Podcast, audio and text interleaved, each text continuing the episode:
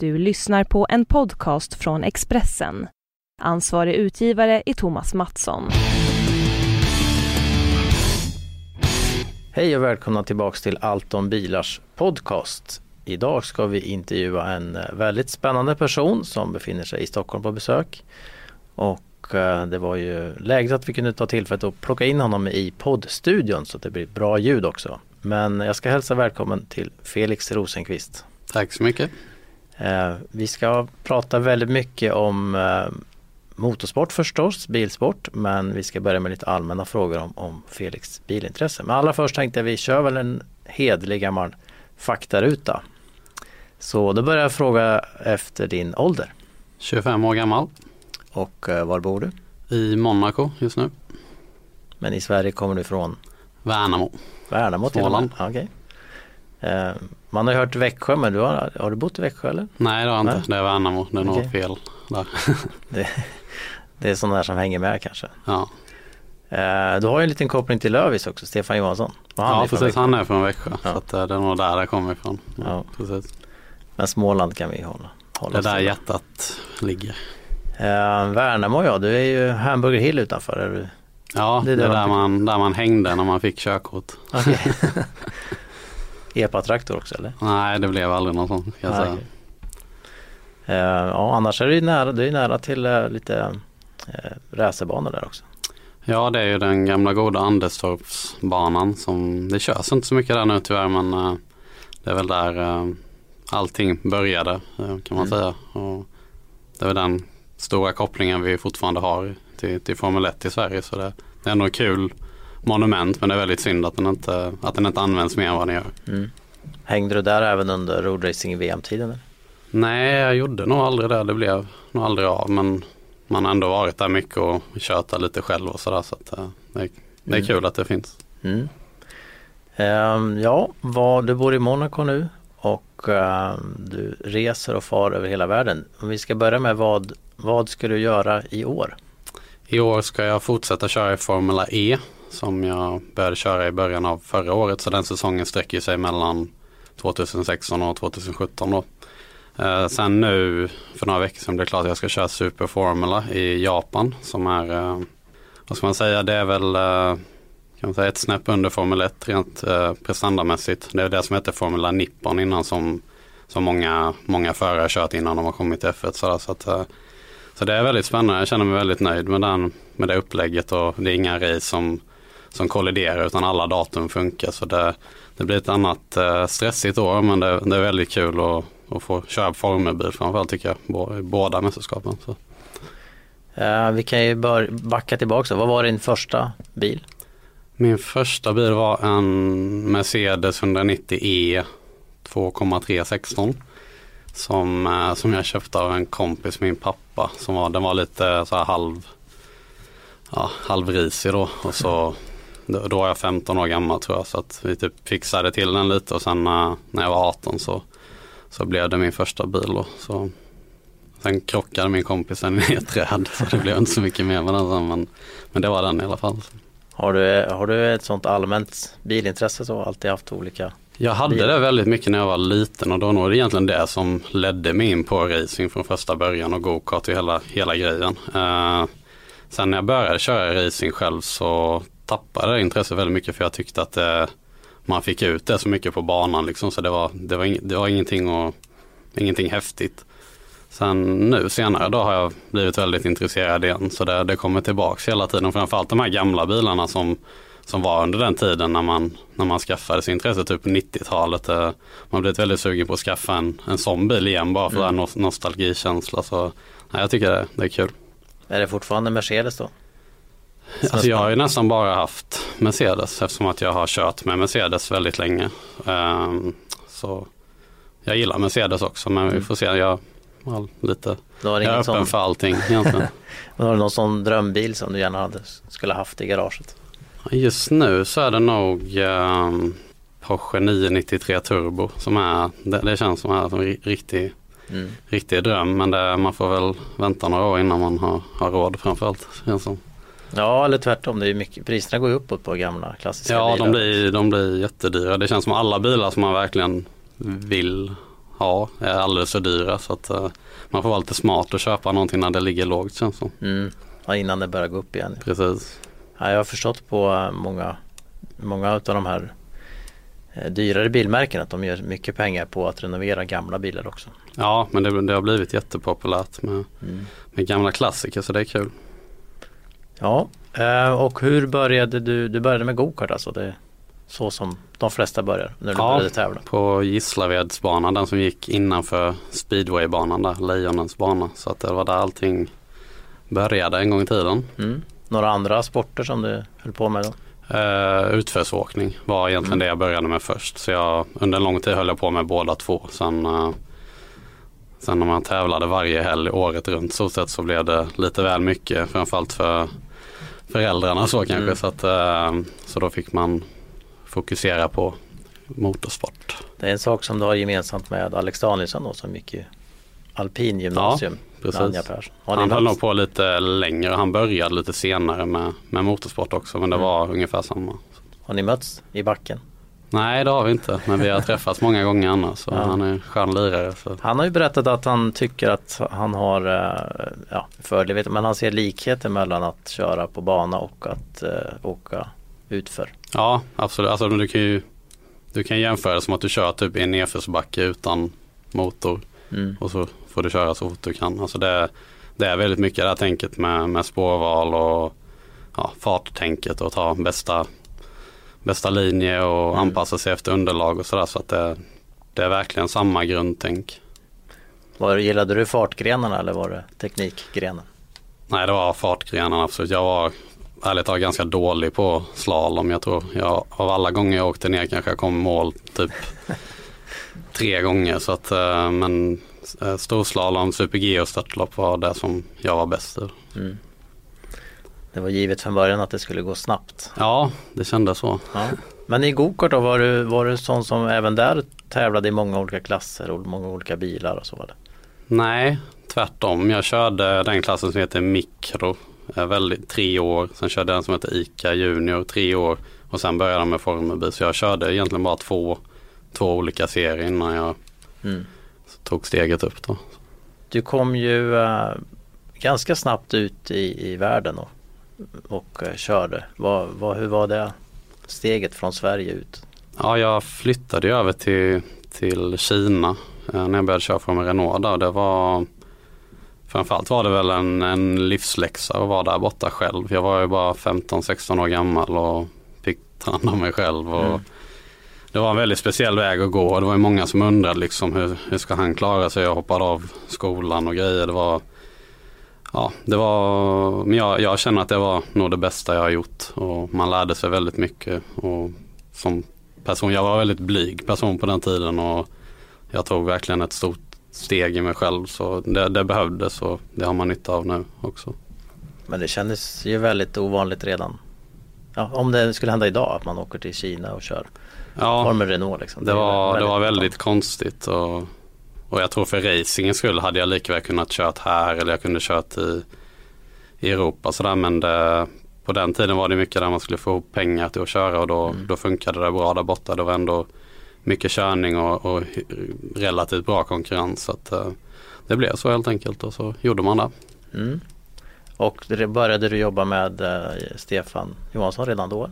Nej, det var inte förrän 2013 och sånt där. Så det var ganska sent i hela mm. tidslinjen. Så, så. Men är det så att han känner din, dina föräldrar? Eller? Nej, Nej, absolut inte. Vi, vi kom i kontakt um, via Christer Johansson som har hjälpt mig lite. Mm. En, eh, som också har hjälpt honom då. Så mm, okay. Det var på det hållet. Ja, och sen har du fortsatt att flacka runt. Du hade ju ett väldigt eh, tufft år förra året när du körde i många olika världsdelar. Ja. Och de som följer på sociala medier, vet att du, du hade lite bestyr med flyg hit och dit över Atlanten nu. Ja, det var Det var också en sån här grej som var väldigt nyttig att, att gå igenom. Det och jag tror jag hade 13 eller 14 turer till USA. Och så mellan det hade jag tävlingar hemma i Europa då. Så att, uh, det, ja, det, ibland var det väldigt jobbigt och man var väldigt trött ofta. Mm. Men det är ändå sådär är man är man professionell förare så blir det väldigt mycket resande. Jag tror det, det är en av de sporterna där absolut mest resande. Och man får helt enkelt lära sig att ja, anpassa sig och planera efter hur man ja, ska förbereda sig med jetlag och allt sånt där. Så att, eh, mm. det, ja, nu känner jag ändå i år när jag ska flyga så mycket till Japan och, och väldigt många andra världsdelar så, så känner jag ändå att liksom jag, jag fixar det och jag vet hur jag ska ta tag i det. Och nu har man lärt sig liksom hur man inte ska göra för att man inte ska bli helt död. Så det, det är kul. Eh, om vi tar förra året var du, eh, du gick ifrån en ja, relativt trygg tillvaro i Formel 3 till att köra i princip allt som rullade. Mm. Var det medvetet att, att liksom visa upp sig överallt inför alla, all, alla typer av beslutsfattare, all publik och alla team? Och...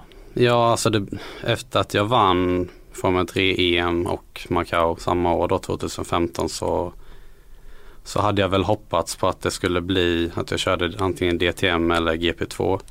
Sen uh, av olika anledningar så hände inte det och då kände jag att liksom nu tar jag saken i egna händer och liksom bara ser till att försöka visa upp mitt namn på så många ställen som möjligt och det spelar ingen roll om det är liksom GT-bilar eller ja, formelbilar eller vad som helst. Så jag tog egentligen på mig så mycket jag kunde som, som jag hade tid med och försökte leverera så mycket jag bara ja, kunde. Och jag tror det var väldigt bra beslut. Ja, visste du att, du att du kunde anpassa dig till alla olika biltyper också? Ja, alltså det är väl en sån sak som man när man väl gör det så vänjer man sig.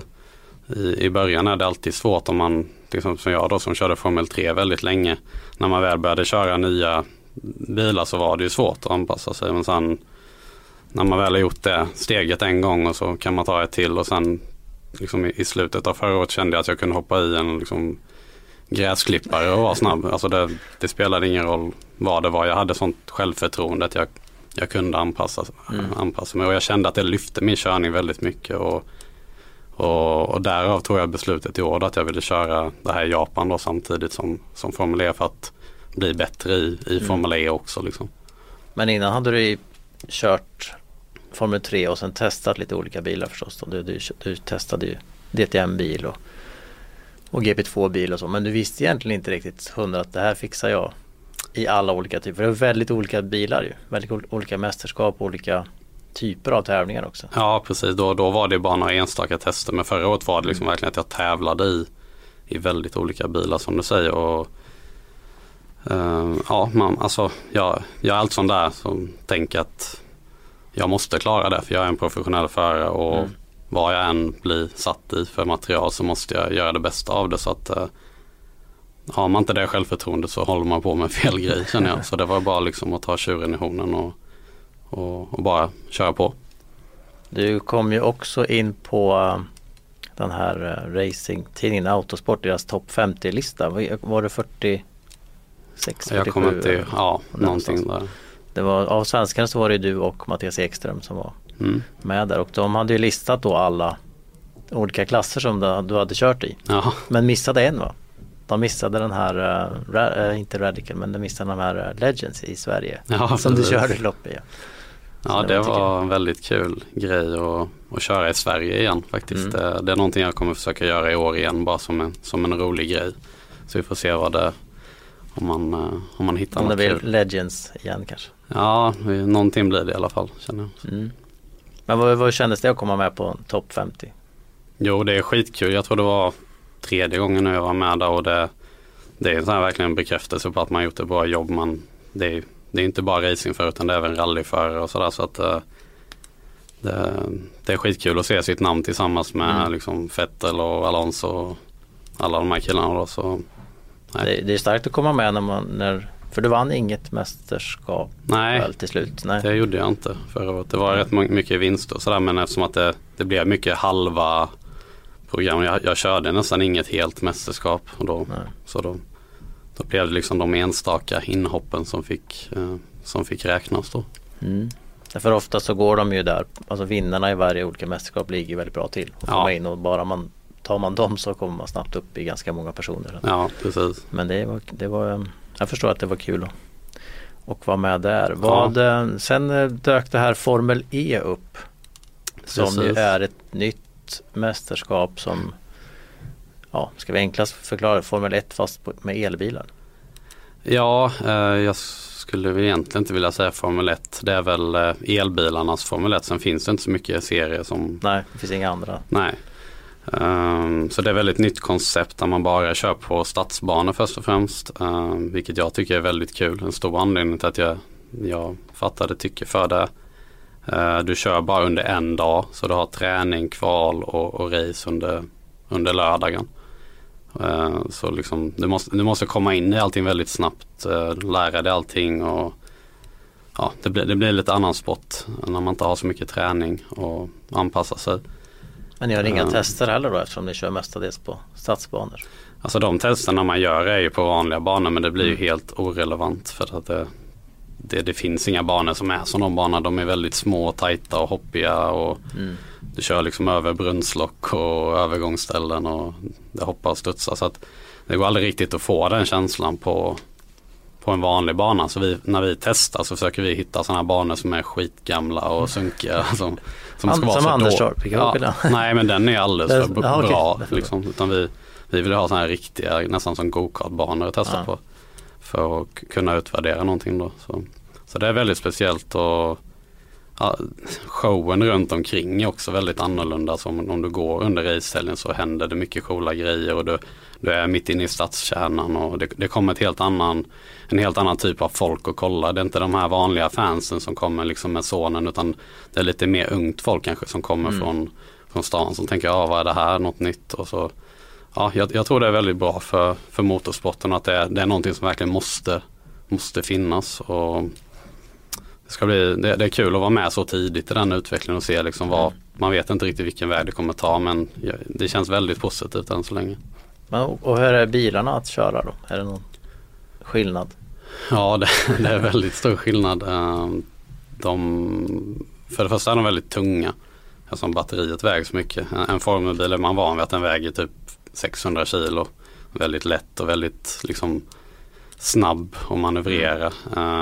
Formel E-bilen är ju nästan som en GT-bil. Den väger över 900 kilo då.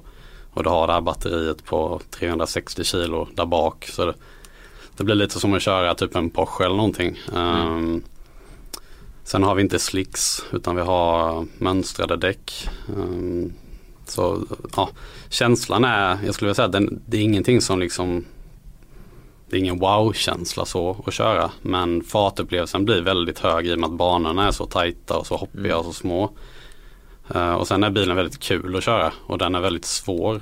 När du kollar på typ under kvalen när man ser alla förare pusha så ser man att det, det är nästan ingen av de här förarna som nästan är på F1 nivå allihop som lyckas göra ett varv utan att göra ett enda misstag. Och det, mm. det är väldigt kul för folk att kolla på när liksom man ser att de låser upp och får liksom sladd. Och, ja, det händer ja, grejer. Liksom. Det, blir inte att de ligger slickade liksom och då, mm. som sagt, då blir fartkänslan högre också. Så det är ett kul koncept på så sätt.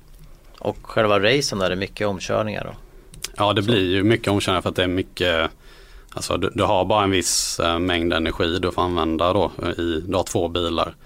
Och så har du ja, en viss mängd energi du får använda varje bil och så blir det att mm. många kör olika upplägg. Då. Vissa kanske kör 18 varv första stinten, vissa kör 20 varv och då måste man ju spara mer energi per varv då, mm. väldigt mycket mer. Mm. Så det, det, är väldigt mycket olika tempon ute på banan och det bidrar till att det, det blir rätt mycket omkörning. Det kan vara lite svårt att följa ibland för att man man ja. vet, som publik kanske man inte vet riktigt. Nej, har man inte en skärm så är det rätt svårt att fatta vad som händer men uh, det är väldigt kul strategiskt spel och mm det, det, är verkligen så här om, om du gör bort dig och använder för mycket energi så får du liksom Då får du verkligen betala. Det, det, det är inte det att de, den kommer falla från himlen in i batteriet Nej, utan den varenda litet misstag du gör kommer du få betala för. Liksom. Mm. Och är det olika, brukar vara olika vinnare också så? Olika team som vinner? Ja, eh, det är väl Sebastian Buemi har varit ganska dominant mm. nu. Eh, han har vunnit tre race på raken men förutom det så är det ju, det känns nästan som vem som helst kan kan komma på pallen och vinna race. Och jag till exempel var med som rookie och tog på position och, och, och slogs som vinst i mitt, i mitt andra race. Så det, det var liksom att vi fick till det väldigt bra den helgen. Och vi, Mahindra då som jag kör för är inte det, det största teamet mm. by far. Så att uh, det, det är kul. Jag, jag, tycker det är väldigt mycket real racing och den, den som gör ett bra jobb kan, kan verkligen vara med och, och slåss om, om, om vinst även fast man kanske inte har samma ekonomiska förutsättningar som, som de stora teamen. Mm. Så till skillnad från typ F1 så blir det väldigt mycket mer öppet. Mm. Och det är, eh, du har ett, det här säsong, den här säsongen ut eller har ni klart för nästa år också? Nästa år också. Nästa år också. Mm. Och sen äh, som vi pratade om lite innan vi satte igång inspelningar så till säsong 2018-19, de här kör ju höst-vår eh, säsong så ska det göras om lite regler. Ja precis, då är tanken att det inte ska vara två bilar man kör ja. utan att batterierna ska vara så pass bra så man kan köra en bil hela, hela racet för att liksom visa att tekniken går framåt. Eh, mm. Vilket den gör då. Och då är det ingen laddning heller? Alltså det är inte så att man stannar och snabbladdar? Nej, nej, nej. utan man har det. Nej, man laddar aldrig utan nej. då kommer man köra samma bil hela racet. Men jag tycker ändå det är rätt kul.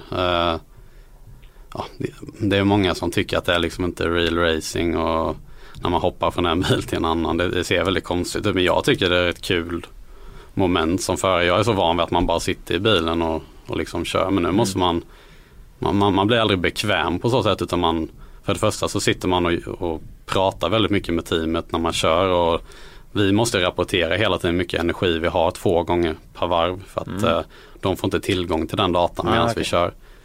Um, och sen måste man ändra väldigt mycket inställningar i bilen medan man kör för att allting ska bli optimalt. Så, här, så att, uh, och sen, sen när man väl kommer in i depå då så måste man hoppa in i en annan bil. Och jag, jag tror det är den serien där man måste göra mest grejer i, i bilen mm. för, för att göra ett bra race. Och det, det, det, är nog inte alla som, som klarar av det.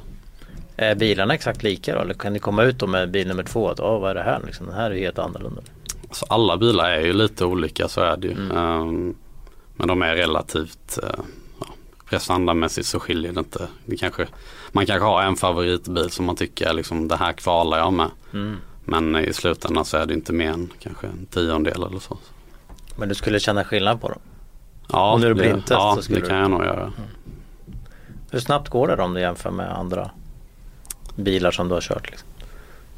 Alltså Formel E-bilen är anpassad för de banor vi kör på. Så jag tror hade du satt upp en Formel 3-bil på en Formel E-bana så, så hade nog inte varvtiden skilt så mycket. Men hade du kört en Formel 3-bil jämfört med en Formel E-bil på en stor bana som typ Hockenheim eller Barcelona så hade vi mm. säkert varit ja, 7-8 sekunder långsammare. Mm.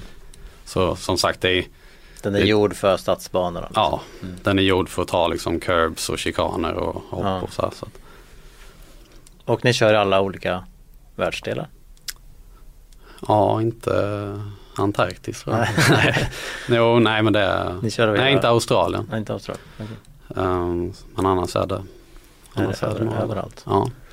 Uh, och då då till den här säsongen 18-19 så kommer ju bland annat Mercedes in va? och det kommer pratas om andra.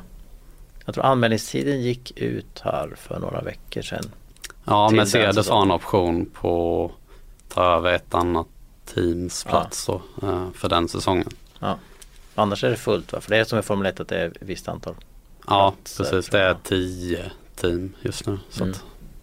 men sen uh, i och med att det blir en bil istället för två så kommer logistiken vara mycket lättare.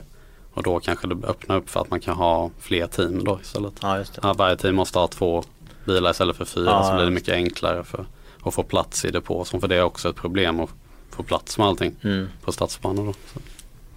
Jag har frågat eh, Volvo som i något ögonblick så sa ju Volvos dåvarande marknadschef eh, att Formel E var det enda mästerskap som de kunde tänkas gå in och tävla i. Eh, men senaste beskedet därifrån var att de hade inget att meddela. Så vi får se om de är Ja det hade varit kul. Det tycker jag hade passat, eh, passat Volvo väldigt bra. Mm. Eh, det är lite som det här snacket om att köra Formel E i Stockholm. Det är väldigt många som frågar mig, borde det inte vara ett race där? Eh, Sverige är så modernt mm. land och det är mycket teknologi sådär så att det, det, är någonting jag har hört verkligen är på gång också. Det har mm. varit lite seriöst snack om så jag hoppas verkligen att jag får köra här. Det hade varit skitcoolt. Hinna köra ett race i Stockholm och, Och eh, nej men de pratar ju om att bygga en stor batterifabrik i, i Sverige också så att, eh, Ja. det är mycket, mycket prat om elbilar. Men det är ju spännande. Ja, det, som sagt, det är det. Volvo har ju hoppat av officiellt från VTCC och all annan motorsport men det är Formel E som de tycker är det som det, det känns närmast i alla fall. Ja. Sen pratas det ju om elbilar i rallycross och eh, eh, rally. Nu tog väl rally-VM beslut om att inte ändra något på 4-5 år i alla fall. Nej. Men rallycross är ju, är ju sugna. Det är ju passande eftersom att det är så korta Ja. Så det hade ju verkligen inte varit ett problem att göra det. Så att, eh, Nej. Det är det som blir problemet i racing. Att rent tekniskt så går det inte att få det mycket bättre än vad det är i Formel E. Och det är liksom allting är, är begränsat av utvecklingen. Så, men som säger rallycross hade nog varit perfekt att Mm. implementera. Eh, Vi pratar om simulator också. Du har ju använt eh, simulatorer då i ditt Formel E-team och du pratar om att det var väldigt nödvändigt för att ni anpassar bilen för banan Ja, precis. specifikt varje gång.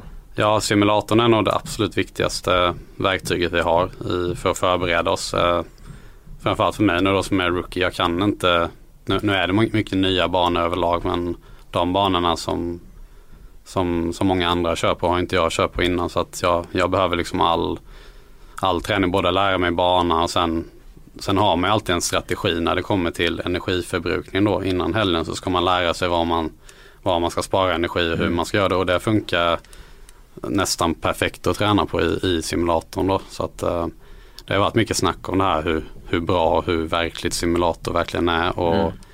typ som en serie som Formel 3 där man bara kör, alltså varje varv kör du bara fullt ut. Där har det nästan ingen, ingen nytta för det blir liksom inte den riktiga känslan rent körmässigt. Men i Formel E som är så, så mycket strategi eller typ Formel 1 då. Mm. Där det har så många andra moment så, så blir simulatorn grymt eh, viktig. Och det, det är kul att vara med och utveckla det också. Och, ehm, ja, det är en stor del. Mm. Vi har ju, nu har vi nämnt Formel 1 här och eh, du, du gjorde ju ett simulatorjobb med Mercedes förra året. Vad, eh, ja, hur, hur var det? liksom? Det, det är det närmaste Formel 1-bilen du har kommit kan man säga. Ja, ehm, alltså F1-teamens simula- simulatorer är ju väldigt imponerande. De, den budgeten de har för att, för att göra dem är ju liksom helt orealistisk nästan. Ehm, och det är det som är grejen med en simulator. Vill du göra den så bra så att, så att du kan testa typ inställningar på bilen och, och, och sådana grejer. Då måste du lägga flera, flera miljoner på, på att utveckla det. Och sen varje gång du har en uppdatering på bilen så ska du implementera det på, på simulatorn. Mm. Och det, det blir, det, de, de tog ju bort testning i Formel 1 för att det skulle bli billigare. Mm. Och nu de här nya simulatorerna de kostar ju så mycket mer än vad det hade kostat att åka och testa liksom på Silverstone eller Barcelona. Ja. Så att det har blivit lite fel också på samma gång. Men nu, nu är det så det är och jag tror, jag tror ändå inte det är alla team som riktigt får, får fart på det och som, som får det att funka. Um, jag vet Mercedes har en väldigt bra, Red Bull har en bra men jag tror det Ferrari till exempel har haft väldigt många år där de liksom en, deras förare inte använt simulatorn för det har inte varit värt att, att göra det helt enkelt. De har bara känt sig åksjuka och det, det har liksom inte gett någonting. Så, så det är väldigt svårt. Jag fick ju prova Volvos eh, simulator som de har byggt upp i Göteborg för att utveckla bilar. Jag blev åksjuk direkt kan jag säga. Det var väldigt speciellt. Ja, det, det är väldigt speciellt i början om man inte har gjort det innan. Och Mm. Sen är det väldigt mycket skillnad på, från simulator. Jag, jag har kört så många olika och vissa känns bara liksom så här, wow, det, det är nästan som, som verklighet och vissa Mm. tycker man bara att det liksom vad är, vad är det här för något? Mm. Det, det är som kolla på film ungefär. Mm. Så ja, men det Men det finns ingen standard liksom som att alla använder samma programvara och samma. Nej, Nej. det fin- ja, på den nivån som lite mindre team då som när man kör typ Formel 3 eller så här så finns det program som, som man kan ha hemma på datorn liksom Mm. som, som ändå är väldigt bra som de kan använda sig av. Man kan göra basic inställningar på bilar. Det finns access till många olika banor då som är skannade. Men eh, som sagt när man vill ta steget upp till liksom en professionell nivå då är det liksom väldigt mycket pengar och Mm. utveckling som krävs. Eh, från simulator till, eh, om vi ska slarvigt kalla det för tv-spel eller e-sport är inte steget så långt i alla fall. Du var ju med om en häftig grej i Las Vegas här i, för eh, årsskiftet va? november? Nej, Ja, december kanske. januari. Januari okej. Ja det var i samband med någon CES-mässan där va? Ja, precis. Mm. Teknikprylmässan. Ja, vi hade ju ett eh, e-race som det hette Ja. då i, i Las Vegas på mässan där. Där vi alla Formel E-förare körde en bana som de hade gjort då i, eh, i Las Vegas. Eh, på spel då, eller Ja, simulator om man ska kalla det. Det var en ganska basic simulator. Det var in, ingenting som vi har när vi förbereder race. Utan det här var ju mer sånt som man kan ha hemma liksom. Mm. Eh, Så körde vi mot tio stycken som hade kvalat in då. Som är verkligen proffs på att köra Mm. simulator. Som, ja, som tävlar i det hemma liksom. Så ehm, ja, och jag, kom, jag lyckades komma tvåa i det där och det var, det var verkligen en chock för mig för att vi alla trodde verkligen att vi skulle bli ja, förstörda av de här Ja, killarna. ja. Att de skulle liksom vara överlägsna, vilket de faktiskt var. Men jag var den enda av, av de vanliga förarna som faktiskt lyckades ha en chans. Och det var, ja, det bara passade och det funkade Mm. så det var kul. Och det var, det var en kille som plockade bort sig själv va? Han som, vad kom han tvåa egentligen? Det var någon så här lite eh, Det en- var någon teknisk Han hade, han hade liksom kommit för, för långt fram på något vis. Ja, han, vi har ju så här fan boost som Just det, är när fansen röstar på en eller tre killar som ska ha extra power då under Ja. en viss tid. Och den hade blivit fel på så han hade den hela tiden. Så han, han vann ju racet först Ja. då, eh, med typ 20 sekunder men sen det var ju bara för att han hade Ja. det då. Så. Men hur verkligt var det här då? För det finns ju, det, det, är ju, det är ju en serie. Man kan ju tävla i, i bilsport på, på tv-spel eller olika plattformar där också. Mm. Olika spel. Men det kändes det ganska verkligt. Nej, det Nej. gjorde det faktiskt inte. Det, det här var ju första gången de gjorde något sånt. Mm. Och det var väl med, med tanke på liksom med, med, Det var så mycket pris, det var en miljon dollar totalt i prispengar. Ehm, och det var väl det som drog så mycket intresse men liksom själv rent tekniskt så var det inte det det skulle ha varit egentligen tycker jag. Det tycker jag det skulle vara mer de, hade de lagt lite mer jobb så hade det kunnat vara väldigt verklighet för det, Mm. det finns tillgång till så bra grejer om man bara om man, om man gör, lägger lite jobb på det. Men eh, de här killarna som var med och körde det de kör hemma Mm. och tävlar det är ju väldigt verkligt. Mm. De tävlar typ iRacing heter det. Mm.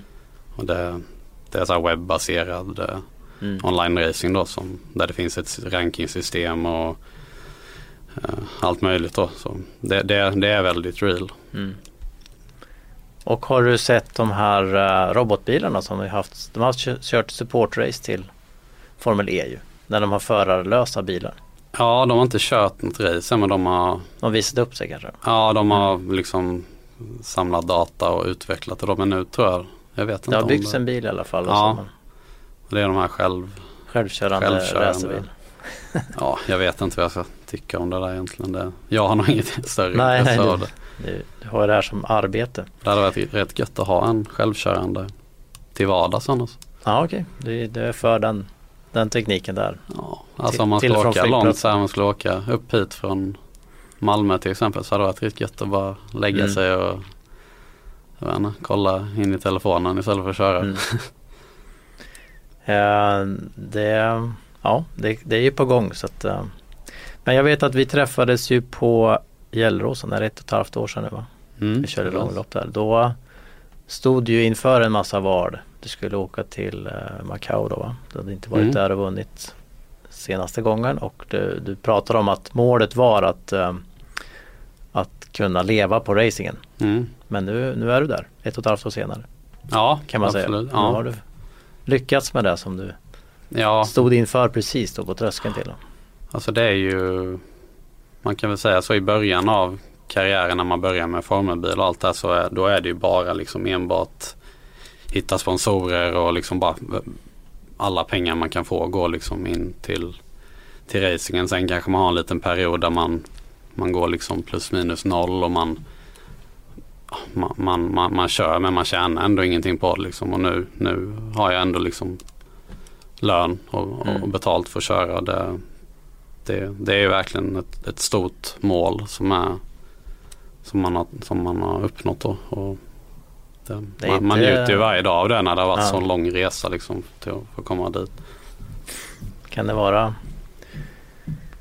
en handfull, fem, mellan fem och tio svenskar som lever på sin, på sin racing på det Ja. sättet kan jag Ja, tänka men mig. det är nog, det är nog sant. Fler är det inte. Nej. Det, och sen känns det som när man väl har kommit dit så då kan man stanna där rätt länge om man, är, Mm. om man håller liksom bara, om man bara levererar. För det, ja, då blir man också själv liksom att då gör man bara det som ja, jag är här, jag är professionell för. Mm, liksom mm. jag, så nej, det är kul. Ja, och vad, har du några ytterligare mål?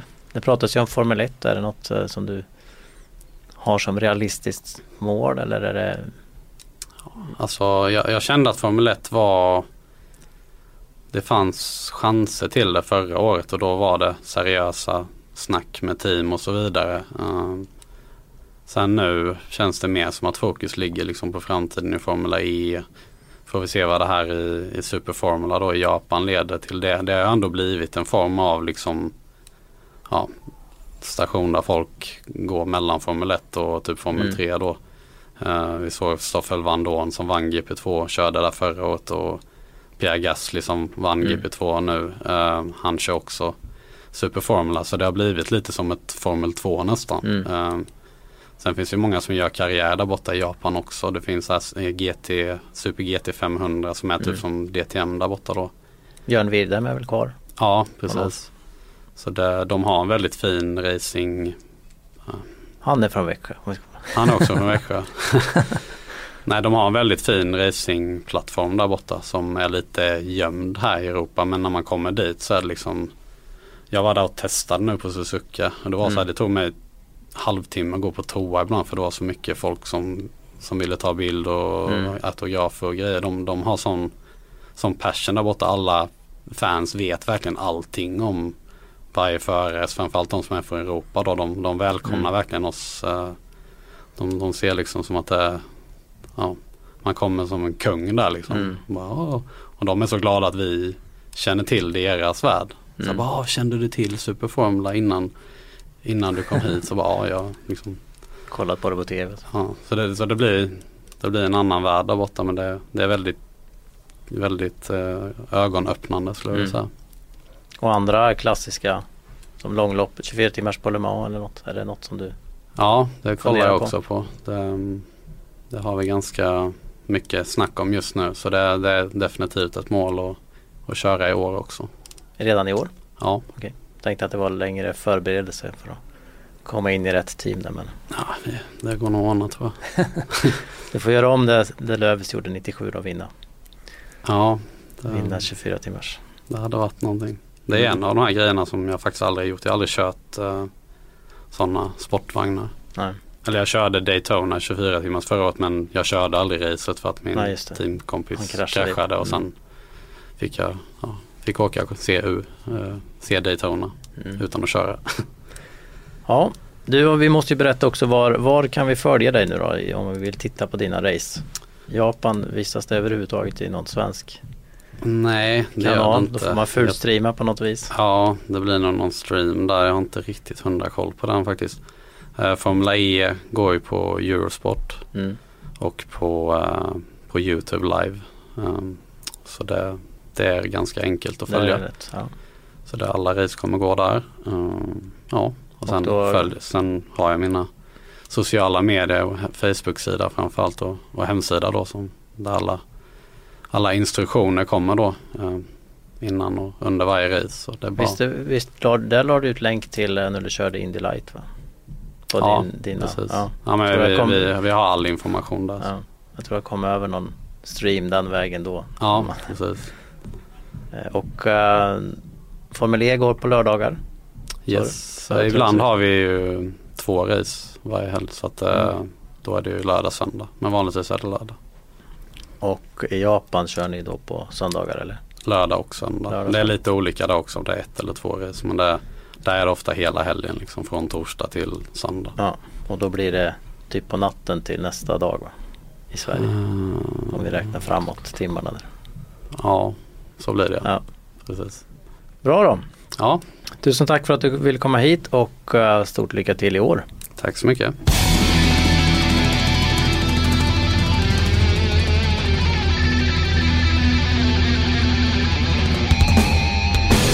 Du har lyssnat på en podcast från Expressen. Ansvarig utgivare är Thomas Mattsson. Ett poddtips från Podplay. I podden Något Kaiko garanterar östgötarna Brutti och jag, Davva, dig en stor dos skratt. Där följer jag pladask för köttätandet igen. Man är lite som en jävla vampyr. Man har fått lite blodsmak och då måste man ha mer. Udda spaningar, fängslande anekdoter och en och annan arg rant. Jag måste ha mitt kaffe på morgonen för annars är jag ingen trevlig människa. Då är du ingen trevlig människa, punkt. Något Kaiko, hör du på Podplay. Därför arkadeinerna.